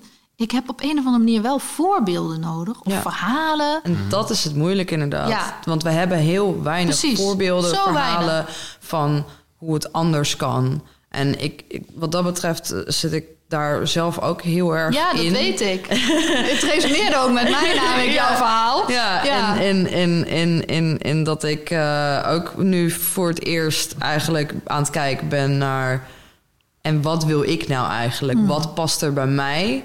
En hoe zou ik het doen? En dat is ten eerste natuurlijk een ontzettend... Uh, beangstigend iets, want je bent bang dat je het fout doet. Want nou als je het fout doet, terwijl hoe kan je iets fout doen wat voor jou is en van jou is? Dat kan je niet verkeerd doen. Ik bedoel, dan kan je best een keer een foutje maken, maar het kan nooit verkeerd zijn. En, ehm, en ook, het is heel moeilijk omdat andere mensen het niet begrijpen, omdat die namelijk wel meedoen met, met het grote verhaal waar we tot nu toe allemaal aan mee hebben gedaan. Ja, en dat vind ik dus heel moeilijk. Ik word de hele tijd weer teruggeduwd in die mm. mal, zeg maar. Die mal die eigenlijk niet past. Ja. En uh, die ik dus uh, zo lang gekend heb, die 44 jaar. En, en elke keer wanneer ik probeer uh, me eruit te wringen, mm dan word ik weer een soort van teruggeduwd of zo. Mm -hmm. En dat vind ik lastig. Ja, dat snap ik. En hoe je het zegt, komt het nog over alsof, je het, alsof het je overkomt. Ja. Een klein beetje. Ja. Dus ik word teruggeduwd. En ik ben wel benieuwd naar hoe anders het voelt om Jorien te zijn nu ze zoveel meer heeft ontdekt in de zin van vrijheid, toestemming, wat dan ook. Hoe voelt het nu om in jouw lichaam en geest te wonen ten opzichte van voorheen? Uh, nog steeds wel heel spannend. dus ik merk gewoon dat als ik daar echt even in mee kan gaan, uh, hè, dat is weer dat, datzelfde spoor als die intuïtie. Dus als ik echt even kan voelen en kan zijn, dan is dat, voelt het heel vrij en fijn. Maar het voelt ook heel spannend. Want het voelt zo. Uh, ja, wat jij eigenlijk ook net zei, Vee, dat het. Uh, de rest doet het niet zo. Dus hm. ja, dat maakt wel dat je dan denkt van. Uh, dat voelt heel alleen. En daardoor ook heel spannend. Dus je moet op een gegeven moment echt wel je mensen zoeken. Je voorbeelden zoeken, je verhalen zoeken. Mhm. Om, om je gedragen te voelen. Ja, snap ik. En gesteund te voelen. We, we hebben een, een inherente biologische behoefte om ons te conformeren. Ja, ja. anders voelt het heel onveilig. de groep te staan. Ja, ja, dat is sociaal gezien heel uh, onveilig. Maar, uh, ik, ben, ik ben wel benieuwd. Ik weet niet of, of, dat, of daar iets van lukt, maar uh, we hebben gelukkig altijd een. Uh, er zijn verhalen te vinden in de wereld. Mm. Uh, en daarnaast hebben we een heel rijk verbeeldingsvermogen. Mm. En dat gebruik je vast wel eens, dat verbeeldingsvermogen. Ik ben benieuwd wat voor, wat voor beelden er opkomen als je denkt aan, je, aan alles wat er mogelijk is voor jou. Zonder dat je je laat remmen door het praktische dagdagelijkse of mensen of wat dan ook. Ik wil daar eigenlijk nog iets aan toevoegen, want dit is heel toevallig waar mijn meest recente solo-show over gaat. Op de radio? Op de radio. Ja, oh leuk. Het gaat over deze oefening. Uh, en, dus om even aan te scherpen...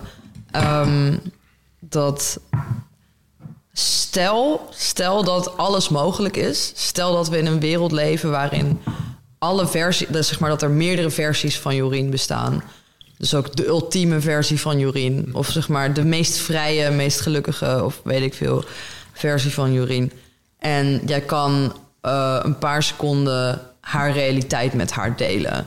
Like, hoe zou dat voelen? Hoe zou ze, weet je wel, like, hoe, wat, ja, wat zou daar uitkomen? Hoe zou die Jorien erbij zitten?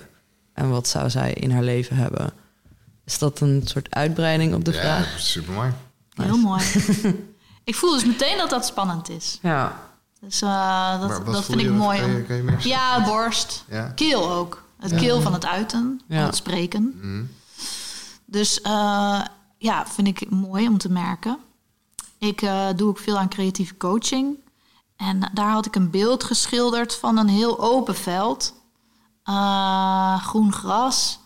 waar ik in een jurk, ik draag eigenlijk nooit een jurk, maar dat voelt dan blijkbaar vrij of luchtig of zo met mijn armen zo omhoog gestrekt, zo van kom maar en genietend. En uh, ja, misschien wel een beetje de sound of music. ik wou net dat zeggen. Ik wou net zeggen, The Hills Are Alive. With Lekker the sound zingen. Of Lekker zingen. ja. ja. mooi dingen, zingen en dansen. Ja, maar dus in elk geval heel vrij, vrij bewegen. Vrij bewegen. Ja. Er, is geen, er zijn geen blokkades. Je staat in een open veld. Je hebt iets aan waarin je je comfortabel voelt zonder dat je daar uh, een oordeel bij, hebt. Uh, ja. Dat is heel mooi. En in de natuur. En in de natuur. Ja. En ook zonder je. Zonder, ja, zonder dat jij dus dat jouw identiteit ergens aangeplakt wordt. Want er was geen bureau of er was geen, nee, er was geen winkel waar je stond. Geen spullen.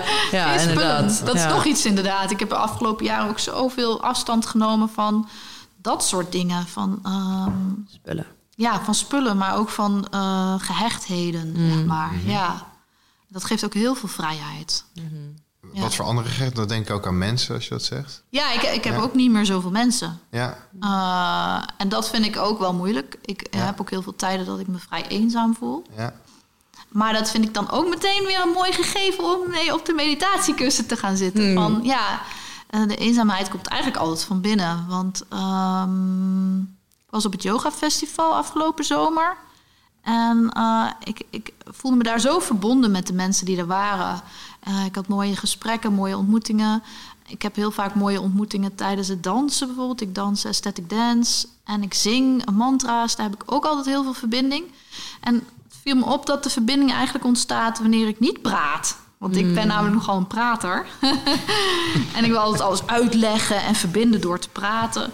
Maar op het moment dat ik dus yoga doe of zing of, of, of dans, dat ik dan eigenlijk een hartsverbinding voel, mm. maak. Want ik weet dan ook al die verhalen van hun niet. Wat ze normaal door de week doen, of ze op het kantoor zitten, hoe oud ze zijn, of ze kinderen hebben. Waardoor er heel veel ruimte ontstaat om van hart tot hart te kunnen verbinden. Ja. Dus dat is ook een verlangen wat ik, wat ik voel, is ehm, meer zijn. Uh, dat praten van mij, dat is ook heel vaak uit een soort van controle ontstaan. Een soort van, uh, nou, als ik maar aan het woord ben, dan hoeft de ander niet. Of, uh, of dingen uit te leggen. Of uh, dus meer ook. En ik hou ook heel erg van taal hoor. Dat is dan ook wel weer. Ik schrijf heel graag. En ik. dus dat, dat, het is niet per se fout, maar dat ik ook zie van, oh ja, op andere manieren verbinden brengt me soms nog meer. Ja. Resoneert meer nog met mijn hartsgebied dan, mm dan gesprekken soms kunnen doen. Mhm. Ja. Ja, en die, dat afscheid van mensen, dat ging ook vooral over, nou ja, het was een moeilijke periode waarin ik gewoon veel mensen bij kwijtgeraakt omdat ze me niet konden volgen. Hmm. Dus dat is dan ook, hè, mensen vinden het heel lastig als je dan in de pinari zit en ze willen je er heel graag uithalen. Ja. Nou, dat was nog een reden waarom ik hier wilde komen. Alsjeblieft, laat mensen gewoon. Ja. Je bent er voor ze. Je, je bent er voor ze door te laten zijn dat je er bent. Maar je hoeft het niet te fixen. Wat ik natuurlijk altijd deed bij mijn ex. Ja. dus ik kreeg het gewoon dubbel en dwars terug. Mensen gingen het ook weer bij mij doen. Ze probeerden me op te vrolijken. Ze probeerden me eruit te halen. Ze probeerden tips te geven. Ze probeerden... En uh, ja, ik trok dat echt zo slecht gewoon. Ik, uh, ja, dus... En uh, er zijn natuurlijk honderdduizend mensen die hier nu naar luisteren... die allemaal wel zo'n vriend of vriendin hebben... die in de Pinari zit, zoals je mhm. zegt. Ehm, wat, wat moeten die mensen wel doen? Ja, ik heb wel gemerkt dat dat ook voor heel veel mensen verschillend is. Mhm. Maar ik koos ervoor om te zitten hè, met, met wat er was. Dus om niet. Uh... Maar ik bedoel, wat moeten de vrienden van die mensen? Ja. ja, ja. Uh, dus, de, dus, dus is niet een hapklaar antwoord, omdat iedereen kiest om er op een andere manier mee om te gaan. Maar wat, uh, wat ik zou willen adviseren is: um, ja, laat, laat weten dat je er bent. Hè? Ja. Van uh, ik ben er voor je. Ja. Maar laat ook het, de pijn en het verdriet er gewoon zijn. Het mag er gewoon zijn. Dus je kunt ook zeggen: hey, ik zie dat je heel, heel erg dat je verdriet hebt. Hoe, is dat voor je? Kun je daar iets mhm. over vertellen? Mhm. Kun je vertellen hoe, hoe het is om hier te zijn op deze plek? Mhm. Ehm, kun je vertellen of, of er iets is wat, je, wat, je, wat ik je kan geven of wat ik je. Ja. Door veel meer vragen te stellen. Ik merk dat uh, vragen stellen heel spannend is. Uh, waarom dat precies zo is? Dat weet ik eigenlijk niet. Kijk jou aan, maar jij hebt het nou. antwoord. jij hebt het antwoord. Ik denk dat we vaak uh, vragen stellen heel moeilijk vinden, omdat we zo'n gevoel hebben gekregen van er is één manier waarop alles altijd hoort. En dus een vraag stellen is ook questioning how, how things should be. Ja, het, is, denk ik, het is denk ik makkelijker dan dat vaak. Als er spanningen zijn, uh, als er gewoon iets naars gebeurt in het leven van je partner of een vriend of wat dan ook, dan doet dat jou meestal ook iets. Ja. En dat voelt ongemakkelijk. Dus ja. als, je, als je iemand die je lief hebt ziet in pijn of wat dan ook, dan voel je zelf ook ongemak. En uh, de meeste mensen gaan dat onbewust heel snel proberen weg te nemen. Ja. ja. Niet het ongemak van de ander, maar eigenlijk ja, eigen ongemak. Je eigen, ja, oh ja, ja. En dat doe, je, dat doe je het allersnelst door te zeggen... kom, we gaan wat leuks doen. Ja. Mm. Uh, en uh, vragen, hoe voel je je eigenlijk... betekent ook dat je je eigen ongemak de ruimte geeft. Ja. Want je kan ook, je, dan ga je een gesprek aan. Dan ja. kan je ook de wedervraag verwachten. Mhm. En hoe, hoe, ga, weet je, hoe, vinden wij het, hoe vinden wij dit samen? Of hoe, hoe gaat het met jou? Dat is veel, dat, dat is kwetsbaar, dat is open, dat is gevaarlijk. Ja. En, uh, of gevaarlijk, het is gewoon nou ja, een connectie aangaan. Het is ongemakkelijk, want het, er kan iets heel ergs gebeuren. Mhm. Je kan namelijk gaan huilen in zo'n gesprek. Ja. ja dat, is, dat is moeilijk. Maar ik gaf het voorbeeld, want ik huil dan één stuk door. Ja, maar het is inderdaad interessant, want zoiets als, als huilen of kwetsbaar zijn... want we hebben toch vaak zo'n ding... Zo'n, we bijvoorbeeld, we feliciteren mensen vaak over hoe goed ze met, eh, met, weet je hoe ik heb je geen één keer zien huilen. Oh ja, ja. Hè? Je, hebt, je hebt alleen maar een glimlach en oh, wat doe je het goed. Wat doe je het goed, knap van je. Wat knap van je. Hè? En ik heb je geen één keer om hulp horen vragen. Wat goed van je. Fuck off. Seriously. Dat zijn geen dingen die we moeten. En natuurlijk, iedereen gaat op een andere manier ermee om. Maar dat idee van dat we iemand een schouderklopje moeten geven. Omdat ze zich zo groot hebben weten te houden. Ja, die herken ik, ja. En dat is, ik denk dat er inderdaad een soort fundamentele angst is om überhaupt kwetsbaar te zijn. Ja. En want we zien, kwetsbaarheid wordt gewoon gezien als een zwakte. Mhm. Terwijl het eigenlijk iets heel krachtigs is. En wat het krachtigste is wat het kan doen, is dat het ons verbindt. Ja. Het geeft de kwetsbaarheid, geeft een opening waarin wij dus met elkaar samen mens kunnen zijn. Klein kunnen zijn. En in die kleinheid groots kunnen zijn. En dat kan dus ook wel starten met dat je naar een vriend toe gaat en zegt... ik vind het moeilijk om je zo te zien. Ja. Weet je wel? Ik weet niet, ik weet niet wat ik moet. Ja. en dat is ook gebeurd. Want nu ben ik dan een beetje... Ik heb ook heel veel mooie reacties gekregen. Want ik deelde dus alles op social media. Ik heb ook een heel nieuw netwerk gekregen van mensen die het prachtig vinden hoe kwetsbaar ik me durf op te mm. stellen. Die daardoor ook met kwetsbare verhalen bij mij kwamen. Over een scheiding of over een, uh, een, iemand die ziek is geweest. Dus het was ook heel verbindend in die mm. zin. Maar uh, ja, sommige mensen die pasten niet meer daardoor. Ja. Ik vond het trouwens wel heel opvallend toen, uh, toen mijn ex dus ziek werd. toen um, uh, zeiden heel veel mensen: Wat goed van je dat je voor hem gaat zorgen. Mm. Dus toen kreeg ik ook weer dat schouderklopje. Terwijl ik dus later erachter kwam: Ja, maar dat is wat ik altijd doe. Ja. Is voor die ander zorgen, zodat het niet over mij hoeft te gaan. Ja. Toen ik daarachter kwam, probeerde ik dat uit te leggen aan mijn omgeving. Ja, het is eigenlijk helemaal niet zo'n goed, goed iets wat ik gedaan heb. Ik deed het weer om maar niet met mezelf bezig te hoeven zijn. Ja. Dat vonden mensen dan weer heel lastig. Van je laat niet iemand die ziek is zomaar stikken of achter. Of, uh... ja. Dus toen kreeg ik weer dat schouderklopje. Terwijl ik dacht, ja, maar dat is eigenlijk ook niet wat ik nu nodig heb. Het is eigenlijk dat je ziet welke patronen ik heb. Ja. En uh, daarmee leert te dealen. Zeg. Jij was eigenlijk met een proces bezig. Je was eigenlijk bezig aan het leren om los te laten. Om een keertje voor jezelf te kiezen. En, en dus ook om, er, ja, om dat af te kaderen eigenlijk. En in plaats daarvan heb je je les verlengd. En heb je eigenlijk dus gewoon dat patroon nog even doorgezet. En dan kreeg je voor. schouderklopje voor. Ik denk, nou, oké. ja. ja. Ja, het is een funny old world. Ja, ja. ja. ja. En, en, en, het, en dat is ook te begrijpen van, hè, van buiten gezien als je... Ja.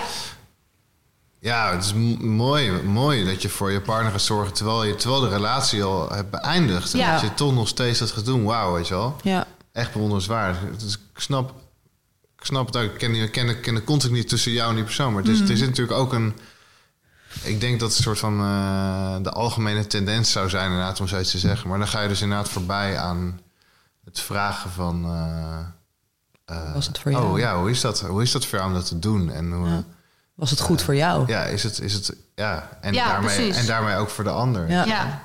ja. en dat miste ik dus een beetje, die diepgang in de gesprekken, zeg maar. Dus ik zat heel erg in, in, de, in dat diepen. En uh, dan, dan werd het van die uh, chit-chats van... nou, kom op, hè, en nog even doorzetten en dit en dat. En uh, nou, heb je weer wat ideeën? Heb je weer wat plannen? hoe ga je nou straks weer je geld verdienen? Verder, verder, verder. Dus ja, ik dacht van... ja, maar ik wil, ik wil, het, even, ik wil het even hierover hebben. Ja. ja. En ja, dat, dat vonden toch ja, mensen te moeilijk. Ja. ja. En dat is een heel... Ik kan, ik kan me heel goed daarin aansluiten dat dat soms heel eenzaam kan voelen. En, uh, ja, en pijnlijk soms ook. Ja. En het idee kan geven van, oeh, doe ik dan iets? Hoor ik er niet bij? Doe ik het verkeerd allemaal? Doe ik het am I living wrong? Weet je wel? Ja. doe, doe ik het niet goed? Terwijl, ja, het is, het is gewoon zo dat we, als je losbreekt van, van iets, dat daar ja, dat, dat daar dus dan ook uh, een, ja, een vorm van eenzaamheid aan vastzit. Ja, dat is ook zo. In het overgangsproces. Want dat is het uiteindelijk. Je bent, aan de ene kant ben je dus inderdaad met een ontzettend groot loslaatproces bezig. En aan de andere kant krijg je dus nu ook langzaam maar zeker veel meer mensen in je leven die wel die diepgang aandurven, die wel die kwetsbaarheid met jou aan te deur, aandurven. Ja, want dat lukt alleen maar door te laten zien wat je eigenlijk zelf wil. Hè? Ja. ja. en dat is dus de grote truc, is dus zeg maar. Uh, alles wat jij zelf wil, moet je zelf doen. Precies. Ja, precies. En ik had het daar laatst Super met Joris, frustrerend Ik zat het daar laatst nog met Joris over van... Dat is, aan de ene kant is dat fucking irritant. Ja. En aan de andere kant is het zo spannend. Want letterlijk alles wat jij wil, kan jij doen. Ja. Uh, alleen je moet het wel zelf doen. Ja. En dat... Ja, dus, er is geen blauwdruk voor, er is geen kaart die je kan volgen. En dus dat is eigenlijk ook weer juist een, een aan de ene kant heel frustrerend, want je wil van je wil erachter komen hoe je dat dan kan doen. En aan de andere kant is het van ja, maar je mag het allemaal zelf zinnen. Dus ja, maakt allemaal ja, nou, dat, dat, is, dat, daar zit ik dus nu, hè, in die frustrerende tijd. Precies. Ja. Ik, ik heb dus bedacht van nou, ik laat alles los. En dan ontvouwt het zich wel. Mm. Dan laat het zich wel aan mij zien. Dat is magisch. Magisch. Maar dat gebeurde niet. dus toen dacht ik, ja, maar hoezo? Ik weet het niet. Ik weet het niet. Er moet iets nu tot me komen. en ik zat maar in, in, in, op dat kussen de hele tijd in mijn eentje. En uh, ik kwam het huis niet meer uit. En ik kreeg steeds meer last van angst- en paniekaanvallen. Ah, En ik raakte steeds uh, meer op mezelf. En ik was hmm. steeds meer in mezelf gekeerd. En en toen dacht ik, ja, ik moet nu toch maar weer wat gaan doen. Mm. Ja. Toen dacht ik, nou, dan haal ik eerst de druk eraf door het geld eraf te halen. Dus ik ben vrijwilligerswerk gaan doen. Mhm. Hier een beetje helpen, daar een beetje gaan helpen. Ja. Ik besloot geen geld meer uit te geven, waardoor je weer je diensten moet aanbieden. Om weer, dus ik krijg nu heel veel door te helpen. En ehm, dus zo ben ik nu een beetje aan het leven. Ja. En nog steeds geen idee. Maar ik had ook bedacht, ja, ik hoef ook niet van de een op de andere dag een idee te hebben. Uh-huh. ik, ik, mag het gewoon aldoende achterkomen. Maar dat is ook nieuw voor mij. Uh-huh. dat is weer dat controle. Ik moet weten wat ik ga doen of zo. Of ik moet weten, ik moet een plan hebben. Of ik moet. Ja, dat werd me ook altijd gevraagd. Je moet wel een plan hebben. Ja, maar dat is toch een van de, de diepst verankerde lessen, denk ik, in deze maatschappij, toch? Je werkt ergens naartoe. En ja, punt op de horizon. Ja, punt op, stip, ja, stip op en, de horizon. En, en, veiligheid en een pensioen. En, ja, dat. Oh ja, dat. Ja. Ja. Uh, ja. Uh, ook heel goed dat het er is. En heel fijn dat uh, voor heel veel mensen denkt. Maar ja. heel veel werk om, om daaraan... te ontsnappen. Ja. Ja, want er is niks zeker. Dus ik dacht ook altijd van ja, ik kan morgen dood zijn. Nou, daar werd ik ook even mee geconfronteerd. Niet zozeer mijn eigen dood, maar dat wel van mijn, van mijn ex-partner, die gewoon mijn eigen leeftijd is, weet je wel. Ja.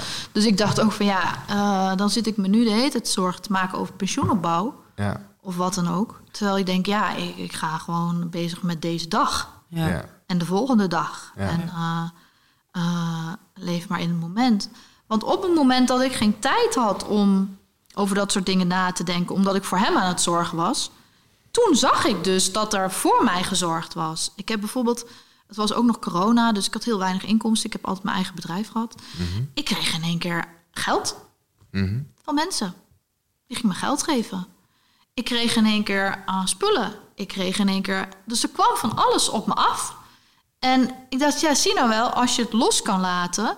en je doet gewoon wat je denkt dat je moet doen op dat moment dan wordt er voor je gezorgd. Dan wordt er gewoon, dan is, dan, dan, dan, dan ontvouwt zich dat. Dan Mhm. wordt er gewoon. Dus daar mag ik ook op blijven vertrouwen. Maar dat werd moeilijker toen er niks meer was. En ik dus alleen nog maar met mezelf was. Ja. En uh, heel veel tijd had om dat hoofd weer te Ja, laten bemoeien. En al die dingen die ja, in mijn hoofd gebeuren. Ik mag er gewoon op vertrouwen dat, dat het allemaal oké is. En uh, dat, dat het zich mag ontwikkelen en dat het, uh, dat het kleine stapjes zijn. Weet je, dat, want dat was ook. Ik had dus bedacht van. Nou, dan heb je een rouwfase en die is dan afgelopen. Van de een op de andere dag, magical. Ik weet niet hoe, Ja. maar het is gewoon. Ja, er, je komt iemand, er komt iemand langs met een check. Zo Ja. gefeliciteerd, de rouw is over. Ja, nu is het klaar. Ja, kunnen we taart eten en uh, champagne drinken en dan ja. Glit, hoe heet dat? Confetti, ja. alles. Maar dat ging dus in golfbeweging en het kwam dan in één keer weer terug. En um, dus toen dacht ik ook, oh ja, dat is ook weer zoiets, dat mag ik ook weer loslaten. Dus ik was zo bezig om in, in uh, hoofdstukken of in, ja. in dingen te denken van, nou, gecontroleerd narratief. Ja, ja hmm. precies. Ja.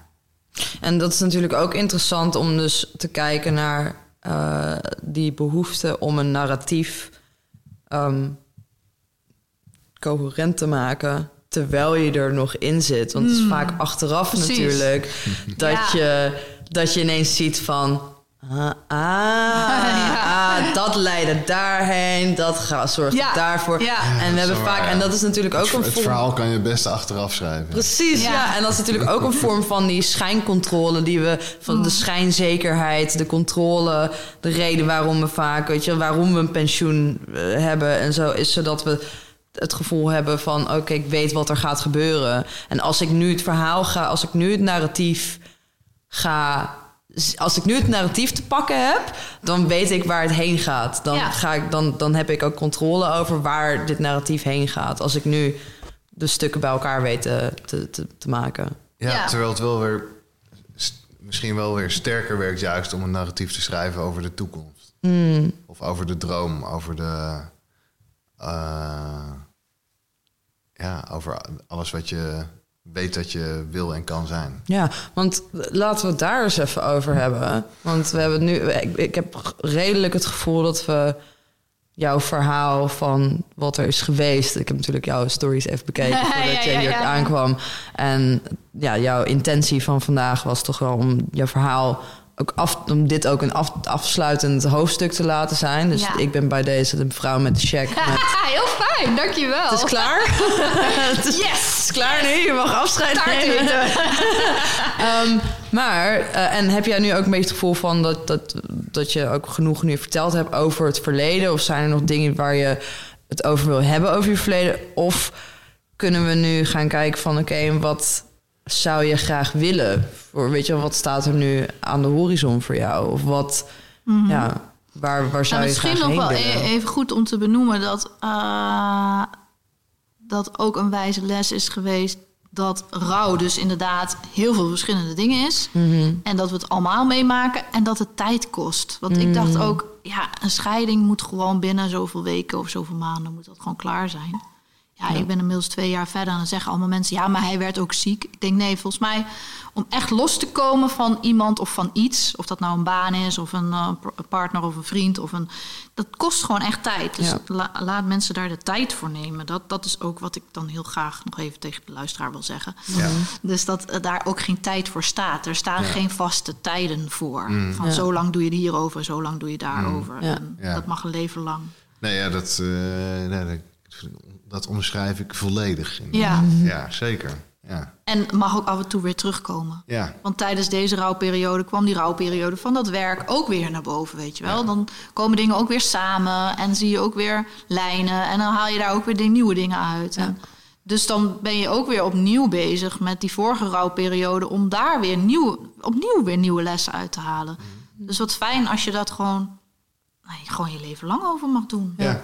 Want ook exen kwamen in één keer weer terug. Ja, ja. Terwijl die dus echt twintig jaar geleden. Dus ik dacht ook, hè? Ik heb gewoon mijn eerste relatie nog even zitten verwerken toen ik 15 was, weet je wel. Oh, dus mooi. ook dat, uh, ja, is heel mooi. Ja. Is heel mooi. En ik ben nu dus ook heel dankbaar voor al die dingen. Vinden mensen een beetje gek om te horen, maar ik kan dat echt, echt voelen. Dat ik daar heel dankbaar voor ben. En ja, ik voel echt dat er nu weer een levensenergie ontstaat. Want dat, dat was mijn grootste angst. Die was echt weg. weg. Mm. Ik was echt helemaal... Ik kon helemaal geen verbinding meer maken met die levensenergie. En ik ben een heel positief ingesteld mens. En ik dacht, nou, dit zou mij toch niet overkomen. Maar ik wist echt niet meer uh, waar te beginnen, wat te doen. Uh, dus ik had op een gegeven moment... Uh, vond ik dat donker ook wel heel fijn. Ik, heb, ik, ik, heb altijd even zo dat yin-yang hè, van mm licht en donker. Mhm. En ik, ik zat gewoon heel lang heel comfortabel in dat donker.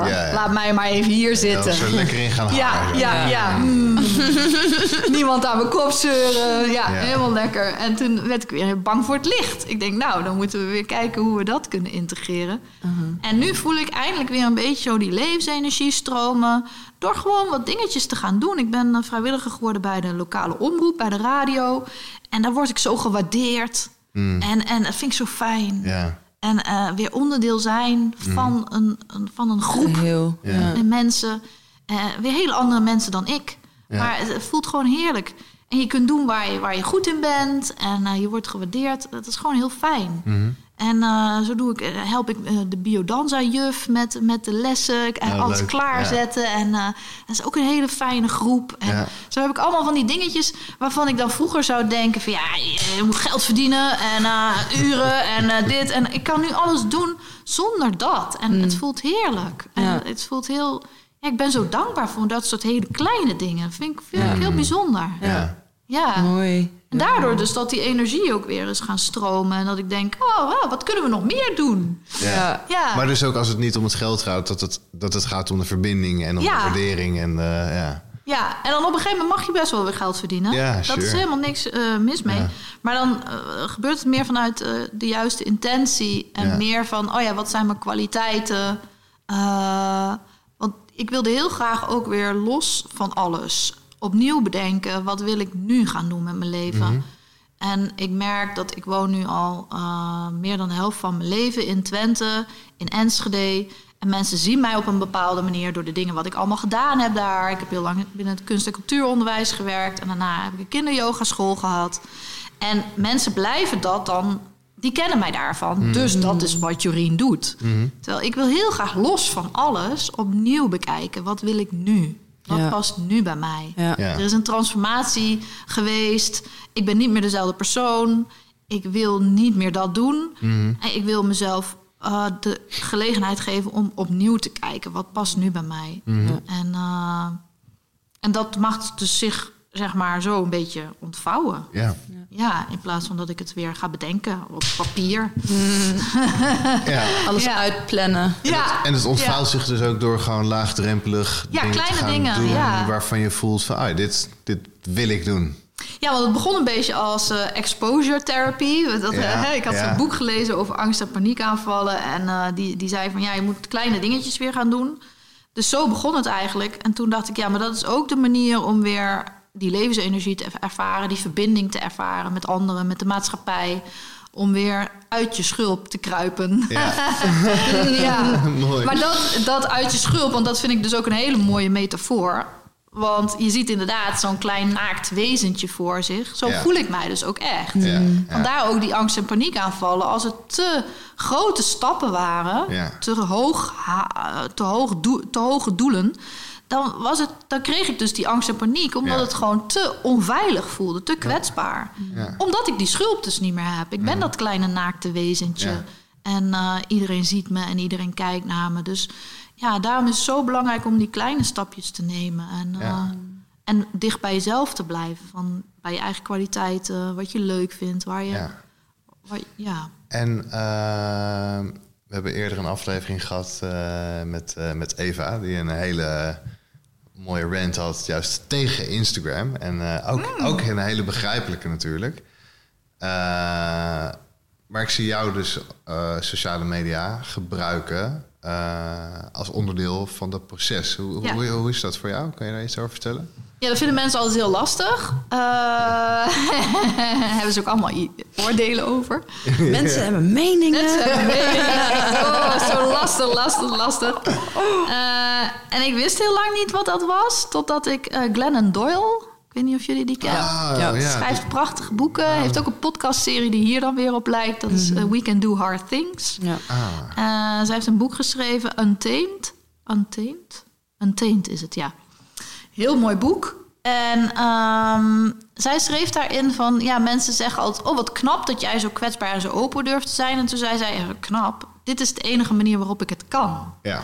En dat is bij mij social media. Ik, ik heb dat, uh, ben dat pas gaan doen toen ik mijn kinderyogaschool begon. Uh, Negen jaar geleden of zo. Daarvoor zat ik helemaal niet op social media. En uh, ja, ik ging het op een gegeven moment ook gebruiken als platform om mijzelf te kunnen ventileren. Ja. En ik kwam erachter dat ik probeerde laatst uit te leggen. Ik heb een, een dagboek waar ik veel in schrijf. Ja. Ik hou daar heel erg van. Maar als ik schrijf op uh, een platform, dan schrijf ik meer begrijpelijk voor degene die het leest. Dus dan zit er een bepaalde afstand in. Ja. En die geeft mij nieuwe inzichten. Ja, dat het interesseert dat me eigenlijk helemaal niet. tot reflectie. Ja, en het interesseert me eigenlijk helemaal niet of het gelezen wordt of niet. Dus dat is ook grappig. Want dat denken mensen dan. Maar het is echt heel erg voor mezelf. Het heeft mijzelf enorm geholpen om, uh, ja. om, om, om, gewoon therapie eigenlijk. Uh, ja. En mooi dat ik dan ook verhalen kreeg, terugkreeg van mensen die het lazen, dat ze daar iets uit konden halen. En dat het heel weinig op social media is. Ik ben dus heel laat pas op Facebook gekomen. Dus heel veel mensen hebben al Facebook uitgekotst, zeg maar, toen ik erop kwam. Zeiden ja, fakeboek, hè? Want, uh, maar dat heb ik dus nooit gedaan. Ik ben altijd vanaf het begin heel. Maar dat is ook wie Jorien in het dagelijks leven is. Ik ben gewoon echt what you see is what you get. Ik ben altijd open en puur en eerlijk. En ik kan het niet anders, dan krijg ik angst en paniekaanvallen. Als ik, als ik mij de schone schijn ophaal of ik moet mij anders voordoen, mm. dan krijg ik daar gewoon last van. Het, het lichaam vertelt de waarheid. Ja, mm. ja, zeker. Mijn lichaam helemaal. Ja. Dus ik, ik, moet dat ook gewoon niet doen. Ja. Ja. ja.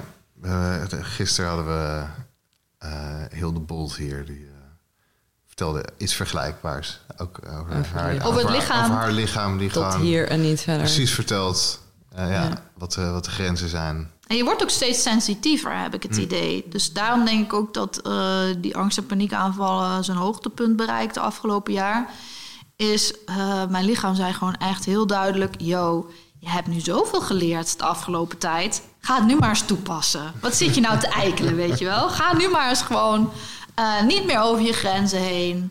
Uh, waarachtig leven. Uh, ja, true to yourself. Gewoon echt ehm, de dingen doen die bij jou passen. Ja. ja. Ga het gewoon niet meer anders doen. Hmm. Dus dat, ja, daar ben ik ook heel dankbaar voor. Dat hmm. dat zich zo, zo makkelijk... En ja, ik had gisteren toevallig nog met mijn huisgenoot over... die ook bekend is met angst- en paniekaanvallen van ja, wij denken niet dat het ooit weggaat. Het is niet dat we hiervan genezen. Het is gewoon een extra tentakel of signaal, uh, extra voelspriet, die laat zien uh, wanneer we iets doen wat dus niet oké is. Ja. Uh, het zijn extra signalen. En, en, en, dat mogen inzetten en hanteren, dat is, dat is heel mooi. Mm -hmm. Ja. Ja, zeker. Ja. Um, Disclo of uh, closure, niet disclosure. Ook een heleboel disclosure. Uh, is er nog iets dat gezegd moet worden om, uh, om te kunnen afsluiten? Of is er een uh, ritueel dat we moeten doen om, oh, ja. te kunnen ja. afsluiten? We hadden, hadden we het er niet met iemand anders over iets in de fik steken? Ja, daar hebben, we het eerder ook over gehad. Ja. Ja, dat doe ik wel regelmatig, ja. je mag ook Eigenlijk elke nieuwe maan heb ik wel... Schrijven, oh ja, ja, ja. ja. Ja, het ritueel uitwissen. Ja. Uh, um, we kunnen ook iets begraven in de tuin. En begraven, dan is het er nog steeds, hè? Ja, dan neem je er wel afscheid Wordt het opgenomen ja, door de aarde. Ja. Wat zou jij een fijn iets vinden? Iets in de, in de hand steken? I just want to set fire. Ja, ik, ik, ik, denk dat uh, mijn gevoel, toen, ook toen ik hierheen ging is uh, dat het eigenlijk al klaar was. Mm, en dat ik al in mijn nieuwe fase zit. Ja. Uh, dus ik zou dan meer de aandacht willen richten juist op het... Uh, je openstellen. Ja, ja, dus niet het afscheid, maar meer het ontvouwen of het openstellen... of het um, een, misschien wel gewoon een gat in de lucht springen of zo. Mm. Of, weet je wel, dat het meer... Ik heb meer dit gevoel. En nou wijs ik met mijn hand omhoog. Zo van ja, je hand naar boven. open inderdaad. Ja, ja, naar boven in plaats van dat naar beneden. Ja, ja, ja, ja, Dat gevoel. Het is eerder een, een celebration dan een afscheid. Ja. ja, afscheid kan ook een celebration Ja. Nou, Misschien moeten we gewoon even feesten. Precies. Jullie hadden met Suzanne ook gedanst. Dat klopt. Dat vind ik heel fijn. Ja, heel fijn. Dansen. Zeker. Heel leuk. Ik denk dat we dat gewoon moeten gaan dansen. Zeker. Dat gaan we, dat gaan we sowieso doen. Ja. Ik had trouwens wel een heel mooi afscheidsritueel nog met mijn ex gedaan. Nog niet eens zo lang geleden. Ik dacht, daar kan je nou toch niet meer mee aankomen zetten na zo'n lange tijd. We zijn al zo lang uit elkaar, hij heeft al lang een nieuwe partner. Mhm. Ik had er echt onwijs behoefte aan. Omdat er zoveel dingen waren tussengekomen dat dat er helemaal niet van kwam. En ik had um, een podcastserie geluisterd van uh, shit, Stine Jensen. Mm Scheiden met Stine heet het. En zij had dat ook gedaan. En na acht jaar nog met haar ex-partner. Dus toen dacht ik, nou, als zij acht jaar, dan kan, is twee jaar niks. Mhm. Dus dat hebben we gedaan in het bos. Echt een mooi pad gemaakt. Een pad samen en dan allebei een pad apart. En uh, hij deed een beetje mee. hij heeft er niet zoveel mee, maar hij deed het dan voor mij. En dat, dat was wel heel fijn. Ja, ja was echt heel mooi om te doen. Ja, dat kan ik iedereen ook aanraden. Ja. Echt heel bewust. Hè, we zijn zo bewust bezig met trouwen, eigenlijk nieuw begin. Ja. Maar dat je ook heel bewust dat einde... Het afsluiten. Uh, markeert. Ja. ja. En on that note... Ja, denk ik. Ja, Ontvlechten vind ik ook een heel mooi woord. Ja. ja, heel mooi. Uh, dus we gaan dansen. Jorien, super bedankt. Ja, ja graag gedaan. Uh, echt, echt heel leuk dat je, dat je helemaal bent afgereisd, ook uit Enschede hier naartoe. Uh, Hoe vond je het? Ja, heel fijn. Ja. Heel fijn, ja. Mooi. Ik merk wel dat ik heel moe ben. Maar dat had ik ook verwacht. Ja. ja. Dus als je over dit soort dingen gaat praten, dan... Ja, het hakt er toch altijd wel in. Ja. Ja, maar dat is helemaal oké. Ja. ja. We dansen er weer een klein beetje energie bij. Ja. En uh, aan alle luisteraars echt onwijs bedankt dat jullie weer hebben geluisterd. Ja. Laat ons weten wat je van de aflevering vond. Of je vragen hebt aan Jorien. Ja, neem ook voorbeeld aan Jorien. Uh, Jorien is ook een van de mensen geweest die zichzelf heeft aangediend. Heb jij een mooi verhaal wat jij graag wilt delen? Uh, ben je geraakt door het verhaal van Jorien? ja, neem dan vooral contact met ons op. Want kans is heel groot dat we je uitzenden. Uh, ja. Jorien, wil jij graag gevonden worden op het internet? Ja, dat ja, is Dan zetten we jou, jouw Instagram-gegevens in de show notes. Ja, lieve, lieve luisteraars, heel erg bedankt dat jullie met ons zijn. Dankjewel voor het komen, Jorien. Graag gedaan. Dankjewel, Joris. Jullie ook bedankt. Dankjewel, Vee. Fijne dag nog, iedereen. Tot de volgende. Tot de volgende.